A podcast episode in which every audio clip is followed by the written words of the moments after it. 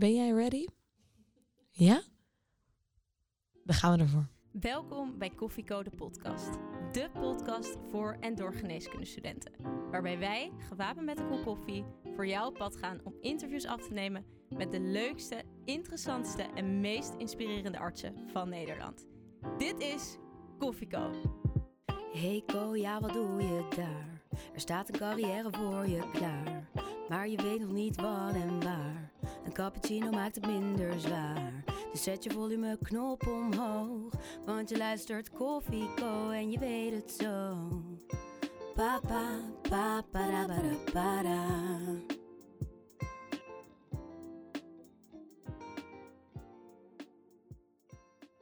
Leuk dat jij weer luistert naar Koffieco, de podcast. Wij zijn Mare. En Eva en het is weer tijd voor een gloednieuwe aflevering.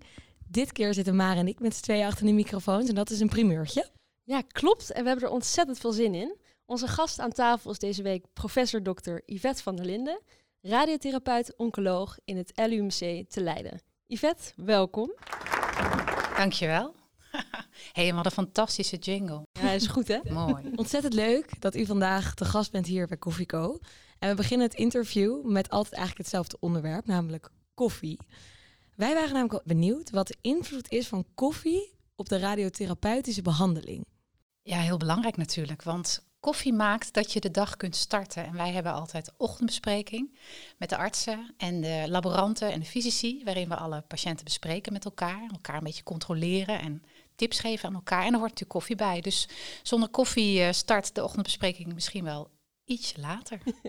Duidelijk. En eh, u zit zelf aan de zwarte koffie. Is dat eh, hoe u hem het liefste drinkt? Ligt een beetje aan mijn, eh, mijn stemming. Zwart is lekker, maar soms een cappuccino is ook lekker. En net een bui op de kop gekregen en dan is zwarte koffie de enige die het een beetje kan troosten.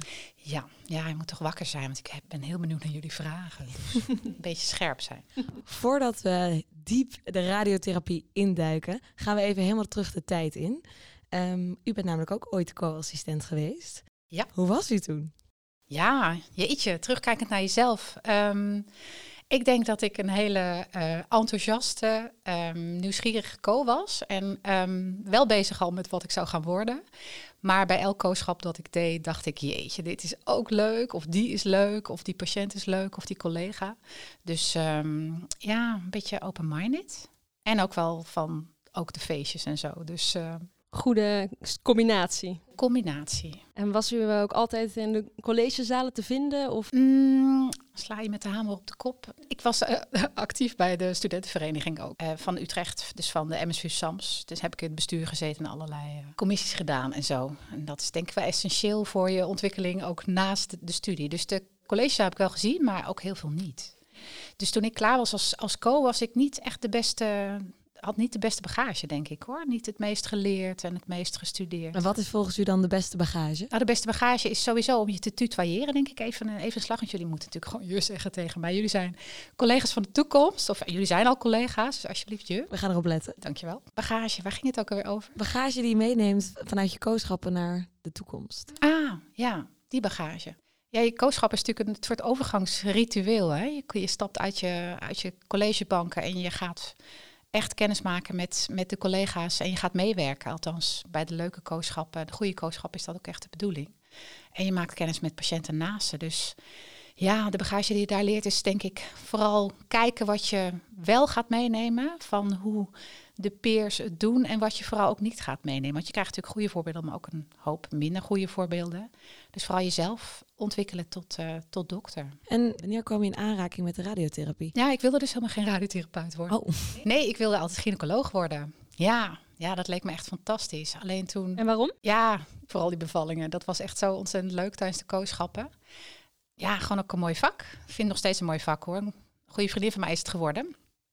En ehm, ja, er waren, toen de tijd waren er heel weinig vacatures. Mm. Dus radiotherapie is een beetje, hal, ja, een beetje onverwachts op mijn pad gekomen. En eh, ja, en daar ben ik toen natuurlijk voor gevallen, voor die radiotherapie. Net als jullie daarvoor gaan vallen. Maar hoe is dat dan gegaan? Wij moesten kooschappen doen en waarvan de tien uh, koos in een zo'n kooggroepje, mochten er negen naar de poli en eentje moest naar de radiotherapie. Ik zeg echt speciaal zo van mo uh, moest, want niemand wilde naar de radiotherapie. Want radiotherapie, weet je, dat klinkt saai, dat klinkt saaie mensen, kanker, bunkers. Um, ja, vooral saai. Dat had het imago. Dus we hebben gelood met z'n en ik loodde toen voor radiotherapie. Dus die negen gingen gezellig met z'n allen naar de poli. En na twee weken, want zo lang duurde dat keuskooschap, hadden zij een beetje op de gang gezeten en vooral koffie gedronken. Maar vooral veel op de gang gezeten. En ik had bij de radiotherapie hier in Utrecht in het UMC, mocht ik gewoon hartstikke veel doen. Ik mocht meetoucheren met de professor en ze vroegen dingen aan me.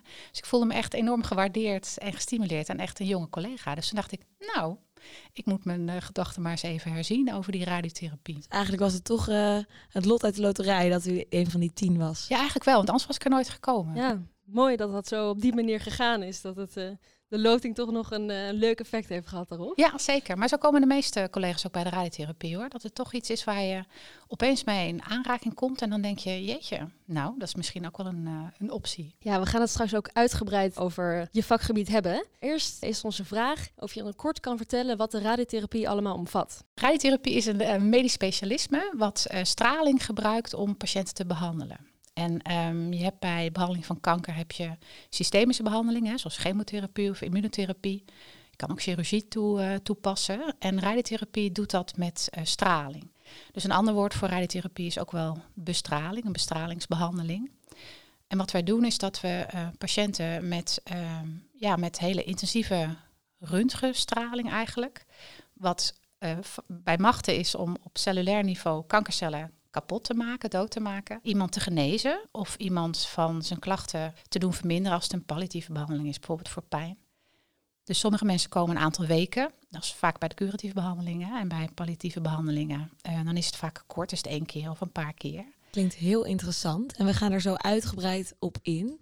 Voordat we dat gaan doen, is het tijd voor, nou ja, misschien wel het meest gevreesde item van deze podcast, namelijk de specialistenpitch. Wij als jonge dokter zijn erg benieuwd waarom wij voor de radiotherapie moeten kiezen. Zou u de radiotherapie voor ons willen pitchen? De specialistenpitch. 30 seconden waarin jij de geneeskundestudenten ervan overtuigt om voor jouw specialisme te kiezen. Radiotherapie is een heel dynamisch vak waarin je als arts van de ene kant ontzettend technisch bezig bent met het kijken naar scans en het nadenken over hoe je bestraling moet doen, maar van de andere kant ontzettend veel praat met patiënten naast over gevolgen van ziek zijn en welke keuzes zij hebben voor hun behandeling behandeling van patiënten met kanker is tegenwoordig steeds meer orgaansparend. En daar is radiotherapie de core van. Dus radiotherapie is de toekomst voor patiënten met kanker. Wauw, super mooi binnen de tijd en uh, allesomvattend. Ik vind het heel mooi wat u, uh, hoe het ook beschreven, het sociale en het technische wat erbij komt kijken. Over allebei heb ik veel vragen, maar eerst een technische vraag. Want wat is precies die ioniserende straling? Kunt u dat in Jippe Janneke taal uitleggen? Ja, die straling zit in het spectrum van het gewone licht. Dat is uh, het, zeg maar het middenspectrum van, van straling. En als je dan een beetje opschuift, uh, richting waar de radiologen zich mee bezighoudt, dan heb je het over wat doordringende straling waarmee je röntgenfoto's kan maken. Dat is kilovoltage. Voor, wat voor voltage? Kilovol. Oh, kilovoltage. Ja, dat zegt iets over het doordringend vermogen van de straling. Uh, dus bij licht heb je het over niet-ioniserende straling en richting kilovoltage en megavoltage, waar radiotherapie gebruik van maakt. Dan is dus ontzettend doordringende straling. Dus wat die pakketjes energie doen, dat zijn fotonen of elektronen, die komen in een cel en die gaan daar botsen, die gaan hun energie uh, kwijtraken. En doordat ze uh, botsen, en dat doen ze dus bijvoorbeeld tegen DNA aan, maak je daar DNA-stuk.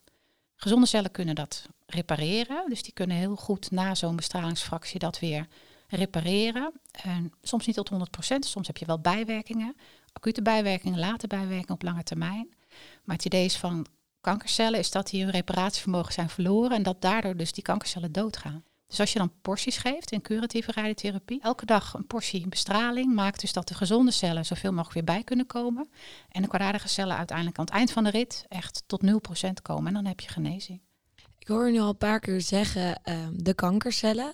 Ja. Is dat ook het enige wat, wat je bestraalt bij de radiotherapie? Is dat, is het alleen maar oncologisch?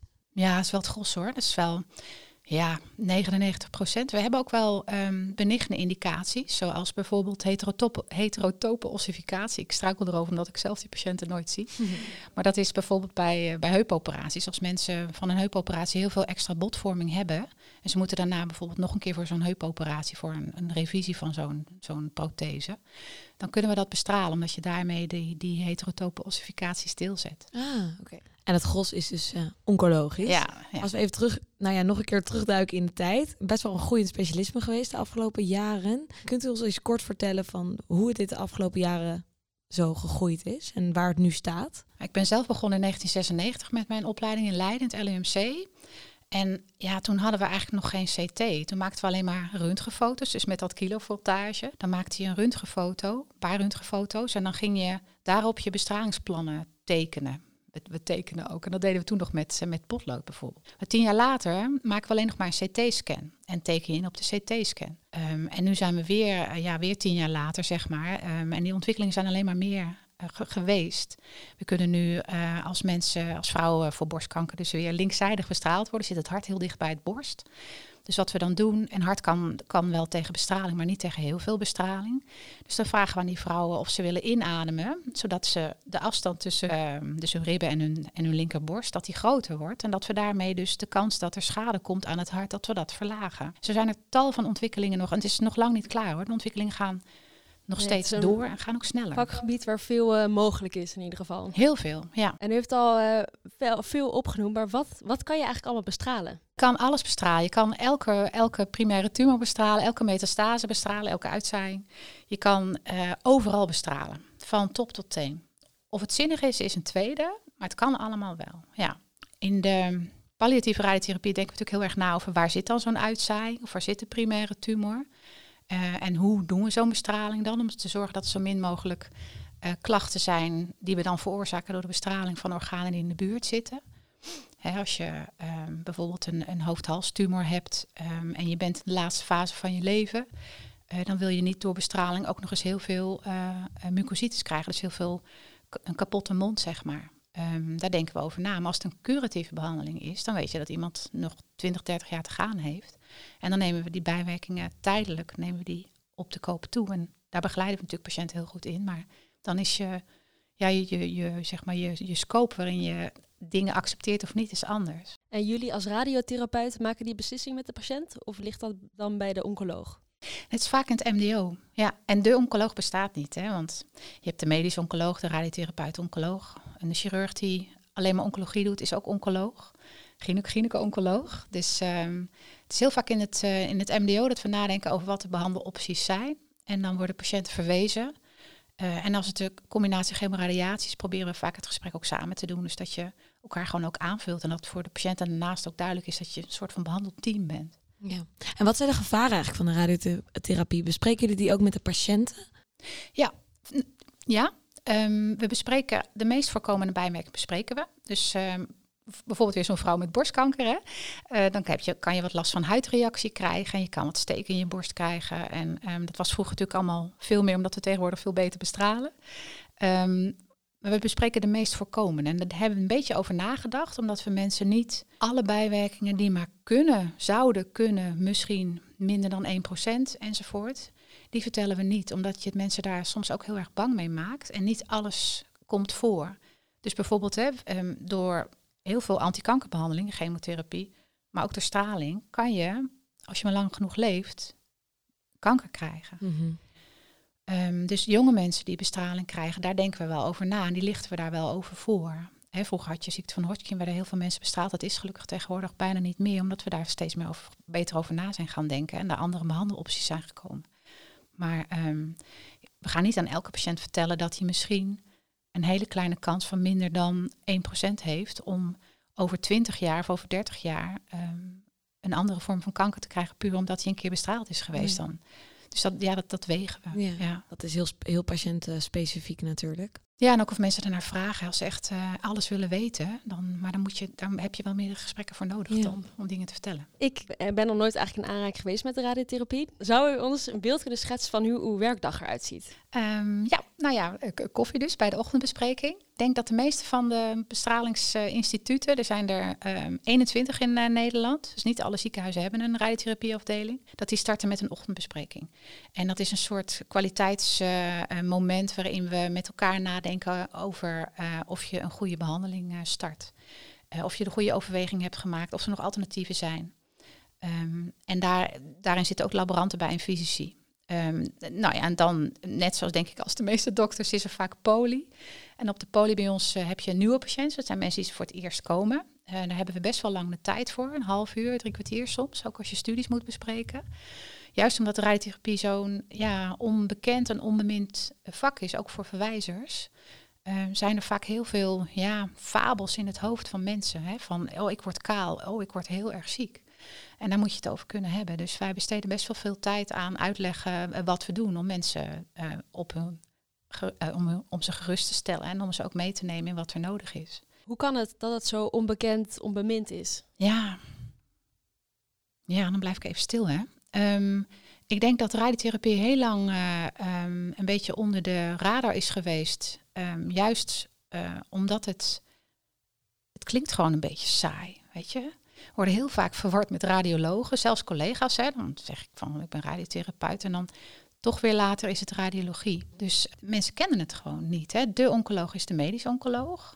Dat is de, degene waar je van denkt dat dat degene is die de behandeling doet. Ehm, er zijn ontzettend veel patiënten die in aanraking komen met, eh, met radiotherapie. Dus als je eenmaal kanker hebt, heb je grote kans dat je ermee in aanraking komt. Maar het is natuurlijk met alles wat je meemaakt. Hè. Als je het opeens krijgt, dan zegt iedereen altijd van... ja, ja, maar nu hoor ik toch, het komt vaak voor. Ik hoor het helemaal om me heen. En dan heb je gewoon je oren ernaar staan. Ja, ja. Ja. Maar het is, ja, het is, ehm, we zijn ook een kleine groep. Hè. We zijn, ehm, ja, we hebben een vereniging, de NVRO, Nederlandse Vereniging voor Radiotherapie en Oncologie. En ik denk dat we met eh 450 of 500 collega's zijn inmiddels. Want we zijn redelijk wat gegroeid de afgelopen jaren. En we hebben iets van, ik geloof iets van 80 of 85 AIOS. Hmm. Maar kijk, psych- psychiaters, dat zijn er duizenden. Huisartsen zijn er nog veel meer. Medische oncologen zijn er ook veel, eh, veel meer. Heeft elk ziekenhuis een radiotherapeut? Ja, niet dus, hè? want je hebt eh 85 ziekenhuizen of zo inmiddels eh, in Nederland. zijn natuurlijk een paar eh, failliet gegaan of gestopt. Ehm, als je als ziekenhuis eh, jezelf oncologisch centrum wil noemen, ja, dan moet je gewoon radiotherapie in huis hebben, anders dan stel je niks voor. Dus de meeste ziekenhuizen die zo'n oncologisch centrum hebben en die geen radiotherapie hadden, niet bij die 21, zijn er een aantal die dus een soort van satelliet zijn geworden. Maar die horen dan bij, wel bij zo'n moederinstituut, omdat het best wel een ingewikkelde ehm, behandeling is. En er zijn ook allerlei regels. Hè. Je, het, het- ja, het gaat over, over, over straling, dus je moet ook aan allerlei ehm, regels eh, voldoen. Zodat het wel gewoon veilig is. Ja. Precies, ja.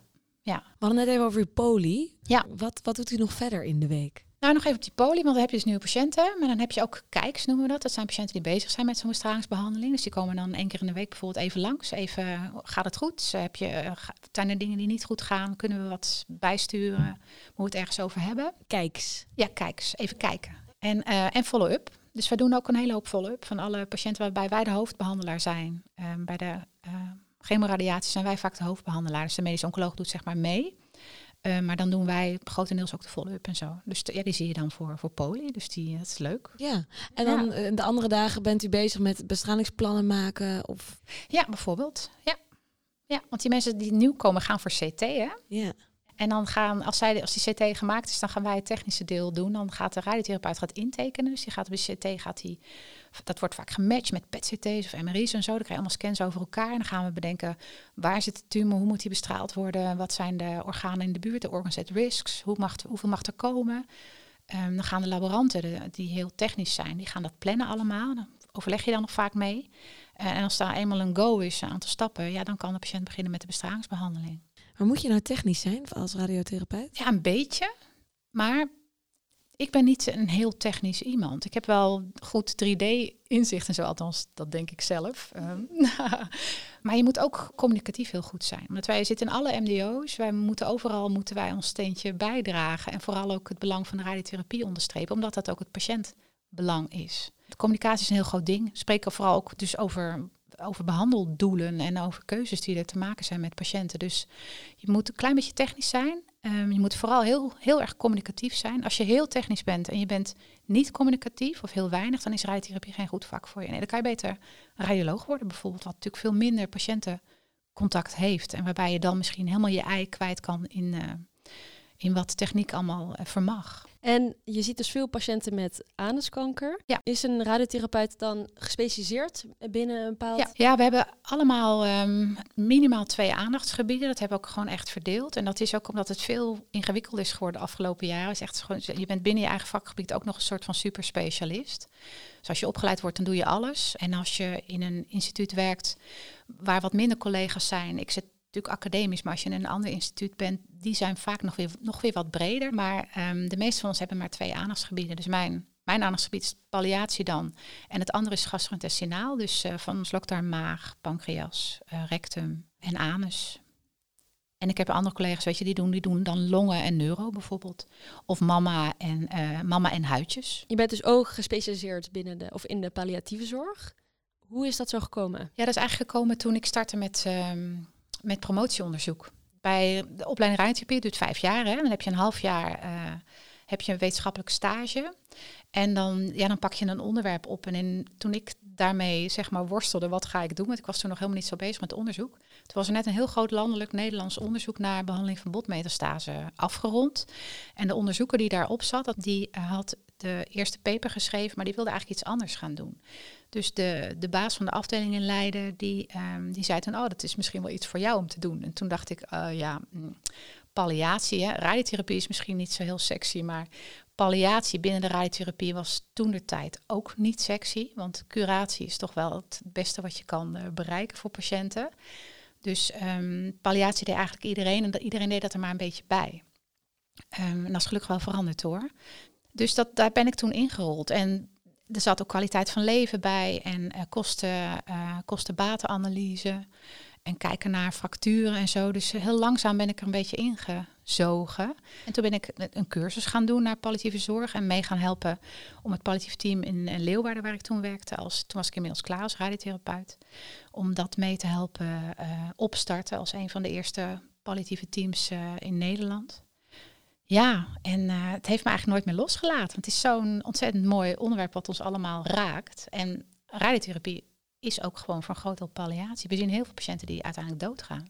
En uh, al die palliatie en palliatieve patiënten, wat doet dat eigenlijk met jou als mens? Ja, um, nou van de ene kant verrijkt het. Hè. Ik denk dat um, sinds ik ermee bezig ben, um, dat ik ja, dat klinkt een beetje zwaar, maar dat je wel heel bewust in het leven staat. Het plukt de dag, uh, gewoon nadenken over de keuzes die je maakt. Um, en, ook nadenken hoe het voor anderen is. Dus dat je ook oog hebt voor waar anderen zitten um, en wat hun noden zijn en hun behoeftes. Um, dus het, het verrijkt, want het, het maakt gewoon dat je een, een betere zorgverlener wordt als je ook dat aspect gewoon goed beheerst. Dus je kan, je kan gewoon mensen gewoon echt veel beter, veel beter helpen. En direct tot aan de, tot aan de basis komen van wat maakt. Um, uh, waarom je worstelt met dingen. Het is, een heel, het is een heel menselijk vak. Je raakt echt de kern van een patiënt eigenlijk. Ja, ja, het gaat echt. Het, het is een gesprek van mens tot mens. Waarbij jij dan als zorgverlener probeert om, uh, om ze een stapje voor te zijn. Om ze te, te proberen te vertellen wat ze te wachten staat of waar ze heen gaan. Of welke keuzes ze kunnen maken, hun bewust te maken van dat er keuzes zijn en welke keuzes zij dan bijvoorbeeld zouden willen hebben.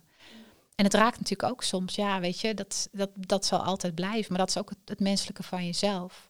Dat, uh, dat, het, dat het soms ook moeilijk is. Maar dat, ook dat moet je ook kunnen laten zien. Weet je, ja, wij zijn ook maar mensen. Heb je daar een voorbeeld van? Van een patiënt die jou geëmotioneerd heeft? Ja, er zijn natuurlijk meerdere voorbeelden. Ik ben iemand die, uh, die snel, uh, snel wat emotie heeft. Maar dat gebruik ik ook, ook om, om te laten zien dat het me raakt. Want ik denk dat het ook voor mensen heel belangrijk is dat we niet wegkijken van emotie. Dus dat zij dat ook wel mogen zien, uh, dat jij daar ook geraakt uh, door bent. Ik heb wel een voorbeeld vanuit, vanuit ons als team, zeg maar. Team palliatieve zorg. Want daar bespreken we natuurlijk alle nare dingen die we meemaken. En dat gaat heel vaak ook over jonge mensen met, met kleine kindjes of zo. Weet je, dan moet je ook even elkaar de ruimte geven van uh, het mag er zijn. Het gaat ook vaak over je eigen emotie, hè, wat je zelf hebt meegemaakt. Maar dat is ook helemaal niet erg. Daar zijn we zorgverleners voor. En kan je ons eens een voorbeeld geven van een een casus waarbij eh, een patiënt, jij, of jullie samen met de patiënt een lastige beslissing moeten maken? Ja, vaak gaan die beslissingen over of je wel of niet een bestraling nog doet. Dus als mensen heel veel last hebben, bijvoorbeeld in de palliatieve fase, hè, van uitzaaiingen, veel pijn, veel ongemak, maar ze zijn niet echt in staat om naar het ziekenhuis te komen, dan moet je gewoon goed nadenken met de, ehm, met de huisarts over, gaan we die patiënt dan laten komen of niet? En, en doen we dat wel of niet? Ehm, of gaan we soms ook maken we de stap dat we naar de patiënt uh, toe gaan. Ik heb één voorbeeld van een meneer met uh, slokdarmkanker, is echt al wel een hele poos geleden. Die woonde in, in, in Leiden in de buurt. En dan ben ik toen thuis uh, ben ik ze gaan opzoeken. Um, wow. En dat was heel bijzonder. Ja, in die tijd deden we dat nog niet zo heel erg vaak. Um, maar het is heel bijzonder om bij mensen thuis te komen en ze dan voor het eerst in hun omgeving te zien waar zij de baas zijn, hè, waar jij de gast bent. Um, dus dat is ook iets wat ik wel vind dat we vaker zouden uh, moeten doen. Daar zouden we ook een passend model voor moeten vinden. Uh, hoe je ook um, naar de mensen toe kunt gaan. In plaats van dat zij altijd in hun beste kleding uh, um, in de wachtkamer zitten en dan bij jou naar binnen moeten gaan. Een relaxtere sfeer dan in zo'n TL-lichtbuis spreekkamer. Ja. ja, en toen kreeg ik ook koffie trouwens. ja. Heerlijk. Ik vind het heel mooi om te horen dat de radiotherapie zo veelzijdig is dat er de communicatie is heel belangrijk, de sociale vaardigheden en dat het daarnaast ook heel technisch is. Zijn er nog andere eigenschappen of uit welk hout moet je gesneden zijn om een goede radiotherapeut te zijn? Hmm. Leuke vraag. Ik denk dat je als radiotherapeut in ieder geval geïnteresseerd moet zijn in mensen met een, met een ernstige ziekte. En dat je niet bang moet zijn voor wat het met jou zelf doet, omdat je veel uh, verlies meemaakt en veel nare dingen toch echt wel meemaakt. Maar goed, dat geldt natuurlijk voor heel veel specialismen. Maar ja, kanker-oncologie is uh, wat dat betreft wel een, uh, een intensief vak. Het voordeel van radiotherapie is dat het een vak is wat we doorgaans van, hè, zeg maar van, van 9 tot 5 of van uh, 8 tot 6 of van half 8 tot half 7. Net maar hoeveel uren je maakt en hoe ambitieus uh, je bent. Maar uh, onze, onze diensten, dus avond- en nachtdiensten en weekenddiensten, ja, dat is natuurlijk heel beperkt. Dat is niet in vergelijking met aanwezigheidsdiensten die een internist heeft of een chirurg heeft.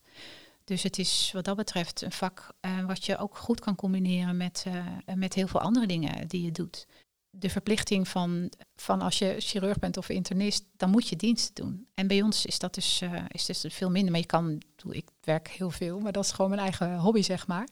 Je kan het zo gek maken als je zelf wilt. Of dan laat ik de vraag anders stellen. Waarom ben jij een goede radiotherapeut? Ja, ik, um, ik ben een goede radiotherapeut omdat ik um, mijn eigen grenzen ken. En ik weet heel goed ook hoe ik met collega's moet uh, overleggen. Omdat juist omdat ik ook palliatieve zorg ook een groot deel van mijn werk is. Ik werk een beetje 50-50. Ik denk dat ik met patiënten en naasten heel goed kan praten over de betekenis van ziek zijn en wat ze allemaal meemaken. En als het vaak om hele technische dingen gaan, waar ik dan net iets minder uh, de tijd voor heb om me daar heel goed in te, te bekwamen, weet ik wel heel goed mijn collega's te vinden. Dus ik ben een goede teamspeler. Als rijtherapeut moet je ook wel een hele goede teamspeler zijn. Ja. Hoe ziet eigenlijk de patiëntenpopulatie eruit bij de radiotherapie? Ja, wij zien we zien eigenlijk heel veel patiënten van jong tot oud. Kinderradiotherapie, kinderoncologie, dat is echt wel gecentraliseerd in Nederland. Hè. Dat doet in, in Utrecht uh, gebeurt dat uh, veel in het uh, Maxima. Prinses Maxima Centrum. Kinderziekenhuis, ja. En vanaf, vanaf, zeg maar, vanaf ietsje ouder um, komen de meeste centra in beeld. Dus je, je ziet patiënten van, vanaf hun, ja, vanaf, zeg maar, vanaf hun twintigste tot, tot aan 100. Is die er ook geweest? Ja, zeker wel. Ja, dan ja, die mensen worden steeds ouder. Hè? Dus, dus de 90-plussers, dat is echt wel een substantieel deel uh, tegenwoordig. Maar, um, en alle primaire tumoren. En de ene, ene tumor is wat gevoeliger voor radiotherapie dan de ander. Maar in principe uh, zien wij uh, zo'n beetje alle, alle oncologische ziekten. En dus ook het hele scala van, van jong tot oud. Dus dat is best wel heel veel. En daar, daarom is het ook heel erg leuk, omdat alles dus voorbij komt. En bij, bij jou specifiek, uh, je bent gespecialiseerd in het bestralen van anuskanker. Vanaf 50 zo'n beetje. Ja, dus het zijn vaak mensen ook nog die in, in de bloei van hun leven zijn, zeg maar. Ja. In mijn ogen dan. Um, en die dan opeens zo'n nare ziekte krijgen. Wat natuurlijk heel, uh, ja, dat is natuurlijk heel, uh, heel beschamend ja. vaak. Ja, en de plek waar het zit. Dat beschamende, dat vind ik eigenlijk wel interessant. Want hoe maak je dat zo bespreekbaar dan in de, in de spreekkamer? Want ik denk dat die patiënten daar liever niet over willen praten. Nee, dat klopt. Maar door, door er dus wel over te praten en ook te, te, hè, te laten zien dat het een normaal onderwerp is. We hebben het heel veel over, over plassen en poepen en eh, wat dat allemaal met je doet en wat normaal is en niet normaal. En eh, het is, ja, het is, het is, het is heel, heel leuk juist om dat te doen, ook met, met de naasten erbij, hè. Dat het een heel normaal praatje is, eh, ja. Volgens mij moet je ook wel eh, van kletsen houden als radiotherapeut. Of zeg ik dan iets geks? Nee, dat klopt. Maar je moet dus ook, ook goed kunnen luisteren. En daar moet je de balans voor vinden. Je moet op tijd op je handen gaan zitten en de patiënt en de naaste laten praten. Nou, Ja. We hebben het heel uitgebreid nu eh, gehad over de radiotherapie en wat er allemaal bij komt kijken. Ehm, maar eigenlijk, om daar te komen, moet je eerst in opleiding komen. En dat is een beetje de fase waarin eh, nou ja, wij naartoe gaan. Ehm, dus wij zijn eigenlijk wel heel erg benieuwd. Is het makkelijk of moeilijk om in opleiding te komen als radiotherapeut? Ja, er zijn ehm, acht centra waar je de opleiding kan doen. Ehm, in de acht academische ziekenhuizen natuurlijk. Het zijn vaak eh, duale opleidingen. Hè. Dus bijvoorbeeld in Leiden hebben we opleiding samen met het eh, HMC in Den Haag. eh, waarbij AIOS dan een deelstage in het HMC eh, doen. Eh, het is een vijfjarige opleiding. In ieder geval een half jaar doe je een, vaak een algeheel eh, oncologische stage. Veel eh AIOS, ik heb dat ook gedaan, doen medische oncologie stage. Omdat heel veel patiënten dus chemotherapie krijgen of iets dergelijks. Zodat je daar ervaring in hebt wat daar de bijwerkingen van zijn. En wat, wat er allemaal bij komt kijken. En dan is er dus nog een stage radiologie omdat je heel veel ook kijkt naar beeldvorming en daar heel veel kennis over moet hebben. En er is dus ook nog vaak nog een planningsstage waarbij je met de laborant gaat kijken wat, wat alle mogelijkheden van, van de planning eh, zijn, wat er tegenwoordig allemaal kan. En dan is er nog een wetenschappelijke stage. En tegenwoordig is natuurlijk steeds meer de differentiatie, dus dat je een, eh, je eigen rugzakje maakt. Eh, we hebben eh, inmiddels drie protonencentra in Nederland. Dat is, eh, is ook een manier van eh, bestralen. Ehm, dus sommige AIOS die daar weer meer van willen weten, die gaan dan eh, daar nog een stage doen. Ja, en het is, ja, het is vijf jaar, is best, best lang. En stel, ik solliciteer ehm, voor een opleiding en ik heb helemaal geen affiniteit met de techniek. Kan ik nog aangenomen worden? Ja, dat is natuurlijk dan de vraag. Daar moet je dan natuurlijk wel een klein beetje over liegen. Ehm, dat mag natuurlijk helemaal niet zeggen. Maar ja, ik denk dat je gewoon moet laten zien, maar dat geldt voor elk specialisme, dat, dat je echt geïnteresseerd bent in wat daar gebeurt en dat je weet wat het is. En dat je weet waar je eigen eh, beperkingen zitten, bijvoorbeeld. En als jij andere kwalificaties, kwalificaties hebt die heel erg op de voorgrond staan, dan kan je natuurlijk wel zeggen van joh, dat, dat ligt mij wat minder. Dat is beter zeggen dan dat je, dat je het niet kan. Uh, dat, of dat het je wat minder um, van nature komt, uh, maar dat je wel heel erg bereid bent om je daarin te ontwikkelen. Weet je, dan komt het, komt het wel. Sowieso het eerste jaar, um, dan kijk je natuurlijk ook of het past. Um, dus dat, dat is voor een deel de techniek, maar voor een deel ook, ook die andere dingen. Dus of al die moeilijke gesprekken met mensen die het moeilijk hebben, of je dat emotioneel ook trekt. Wat zijn dan die kwalificaties die jullie zoeken in een, in een arts die komt solliciteren? Nou, vooral of iemand, of iemand ontwikkelmogelijkheden heeft. En je kijkt natuurlijk naar cv, hè? je kijkt een beetje of iemand uh, uh, zich um, laat zien dat hij van aanpakken weet. En als er dingen zijn cv die niet, misschien niet helemaal uh, passen, hè, dat hij daar ook een goed, verhaal bij heeft waarom dat niet zo, zo zou zijn. En um, ja, we hebben, we hebben echt wel de luxe dat je kunt, kunt kiezen. Dus dat er heel veel aanmeldingen zijn. Um, dus het is wel fijn als je, uh, als je al een klein beetje in de richting bent geweest. Dus als je in, een wachttijd of zo iets bij de radiotherapie uh, hebt gedaan, in een ander centrum en je gaat elders solliciteren omdat je die stad leuker vindt of zo, of prettiger vindt, passender vindt, dan is het wel fijn dat je daar, dat je dan misschien al iets hebt, hebt gedaan of een keuzekooschap. Maar niet per se. Kan je aanhielsen bij de radiotherapie? Ja, weinig. Er zijn weinig aanhielsplekken. Ja. Waarom is dat? Ja, we komen er wel met de, met de staf en met de AIOS. Dus um, radiotherapie heeft geen, uh, geen afdeling. Hè? Het is echt een polyklinisch vak. Geen zaalwerk. Nee, wat je natuurlijk, wat ANIOS kan je natuurlijk prima op zaal uh, doen. Dus uh, als je als, als je radiotherapie wil doen, dan kan je het beste geaniosd hebben op de oncologie. Want dan heb, heb je al laten zien dat je geïnteresseerd bent in oncologie. Hm. Ik denk dat dat het belangrijkste is. Laat zien dat je geïnteresseerd bent in oncologie. Ja. Oké, okay, dat is een goede tip inderdaad. Want ja, want het lijkt me best lastig als je het wil en je wil eerst nog even overbruggen als basisarts ergens aaniossen. Ja. Dan moet je dus naar de oncologie. Nou, dat is dan uh, goed voor de luisteraars binnen de oren te knopen. Ja, een koffietje drinken af en toe met de radiotherapeuten die daar uh, rondlopen. Ja. ja, en een ander ding wat natuurlijk ook van belang is, is dat je gewoon Dat je en jezelf bent, dat je jezelf niet beter voordoet dan dat je bent tijdens sollicitatie. En hoe moeilijk eh, is dat natuurlijk? Hè? Met solliciteren is gewoon hartstikke lastig. maar ja, we kijken natuurlijk ook naar of het een fijne collega gaat worden of, iemand, of je iemand aardig vindt. Ja. Ik denk dat dat eh, uiteindelijk het allerbelangrijkste is. Dan moet je cv natuurlijk ook nog wel een beetje kloppen en de antwoorden die je geeft. Maar je moet gewoon leuk zijn. Of eh, leuk, je moet eh, prettig zijn. Oké. Nou, dan gaan we ook nog eens onthouden. De co-telefoon. De co-telefoon is een vraag ingestuurd door een van onze luisteraars. En eh, de vraag die wij hadden was van Lara. En de vraag was: hoe verhoudt een radiotherapeut zich tegenover een radioloog of een ander behandelend arts? Ja, de radioloog is, is een hele gewaardeerde collega die dus echt iets heel anders doet. Hè, want de radiologie eh, is een vak van beeldvorming, van eh, scans maken, scans beoordelen, nadenken over welke scans je op welk moment het beste kan maken. Dus een radioloog is een hele goede sparringspartner ook voor ons binnen de oncologie.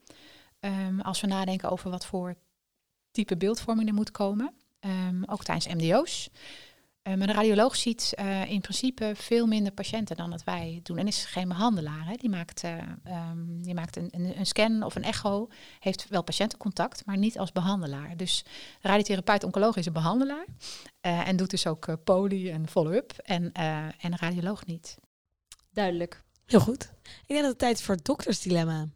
Ik denk het ook. In het doktersdilemma hebben wij een paar eh, vragen, een paar dilemma's voor, eh, voor jou voorbereid. En je mag snel een keuze maken. Ehm, ja, ben je er klaar voor? Mm, misschien. Het doktersdilemma. Het leven bestaat soms uit lastige keuzes. Denk niet te lang na en geef snel antwoord. Onvoorspelbaar of berekenend? Berekenend. Natuurkunde of scheikunde? Natuurkunde.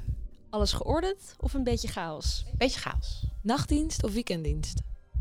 Allebei niet. Geriatrie of kindergeneeskunde? Geriatrie. Vers getapt biertje of een cocktail aan de bar? Biertje. Zelf uitgebreid koken of een vijfgangen diner in een restaurant? Zelf uitgebreid koken. Zelfs op de camping. Heerlijk. Een roadtrip of snel eh, ergens op locatie komen met het vliegtuig? Roadtrip.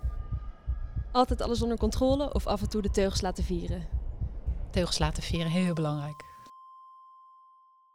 Je zei net ook al, weinig diensten bij de, bij de radiotherapie, weinig weekenddiensten. Ja. Wat doe je in je vrije tijd? In mijn vrije tijd eh, ehm, ja, heb ik eigenlijk twee uit de hand gelopen hobby's. En het ene is eh, eh, theater. Theatergroep Port Betaald uit Utrecht. Zelf optreden of Ja, ook, kijken? ja, nee, optreden. Voorstellingen maken met een hele leuke groep, groep mensen. Ja, we bestaan sinds 1998 en hebben al 17 voorstellingen gemaakt. Wauw. Ja, En wat voor voorstellingen? Wat, ja van, eh, van alles. Soms nemen we stukken die bestaan, maar soms maken we ook zelf eh, iets. en wat is jullie laatste voorstelling geweest? De laatste voorstelling eh, was, eh, eh, eh, was afgelopen oktober, midden in de COVID. Toen hebben we een, eh, een student van, eh, van Tilburg eh, opleiding, hebben we haar, eh, haar derdejaars soort van afstudeer eh, voorstellingen gemaakt samen met, eh, met haar. En eh, dat had een hele lange titel en daar speelde ik maar een heel klein rolletje, maar daar, daar zong ik ook in, want dat is mijn andere uit de hand gelopen hobby en dat is, eh, dat is zingen. Dus ik zing in, ja, in twee bands. Twee bands zelfs. Ja. Wat Eh, superleuk. Nou, Eh, Ik wil nog even vragen, want je, je vertelde, je, hebt- je hebt niet eh, de zware diensten zoals je bij de chirurgie hebt. Eh, is de radiotherapie goed te combineren met het privéleven? Ja, ik denk van wel.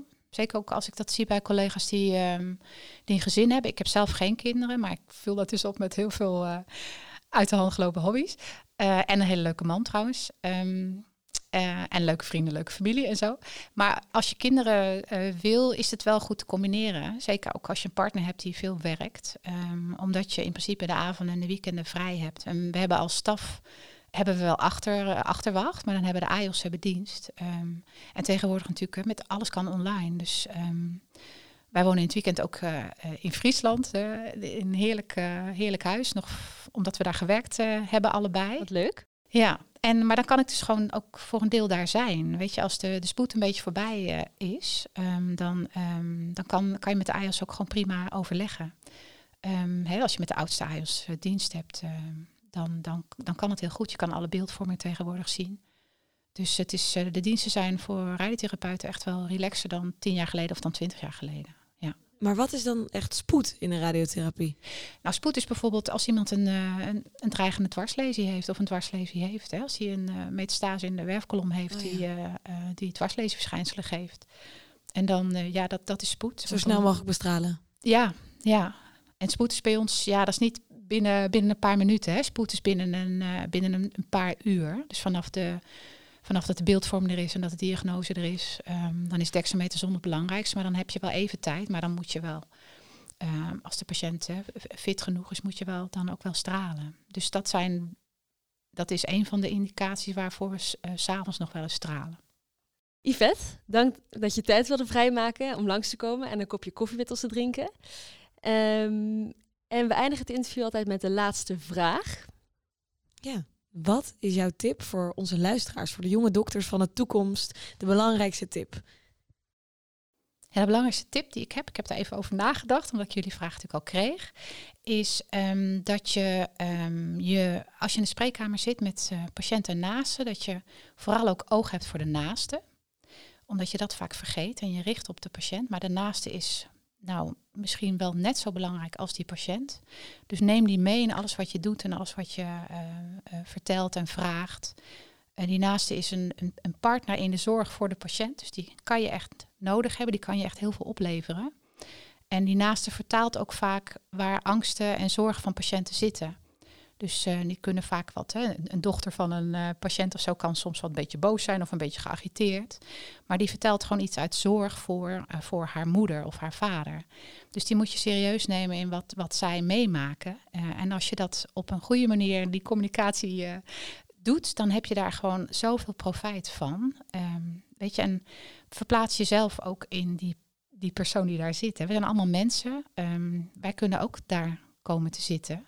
En hoe fijn is het dan dat je een zorgverlener krijgt die jou serieus neemt, maar die jou als naaste ook serieus uh, neemt. Dus neem de tijd, ga heel veel op je handen zitten en laat vooral hun heel veel vertellen. Uh, en probeer te luisteren naar wat er achter een bepaalde vraag zit. Dus neem echt tijd en uh, probeer een goede communicator te worden. Prachtige tip. Ja, die gaan we onthouden. Hele mooie. Hartstikke bedankt voor het uh, mooie interview. En lieve luisteraars, jullie ook bedankt voor het luisteren. En dan zien we jullie de volgende keer weer bij Koffieko, de podcast. Volg ons op Instagram, social, of andere social media, Facebook, LinkedIn. We zijn overal te vinden. En zo blijf je op de hoogte van de komende interviews. Heel erg bedankt, uh, Eva en uh, Mara. Alsjeblieft.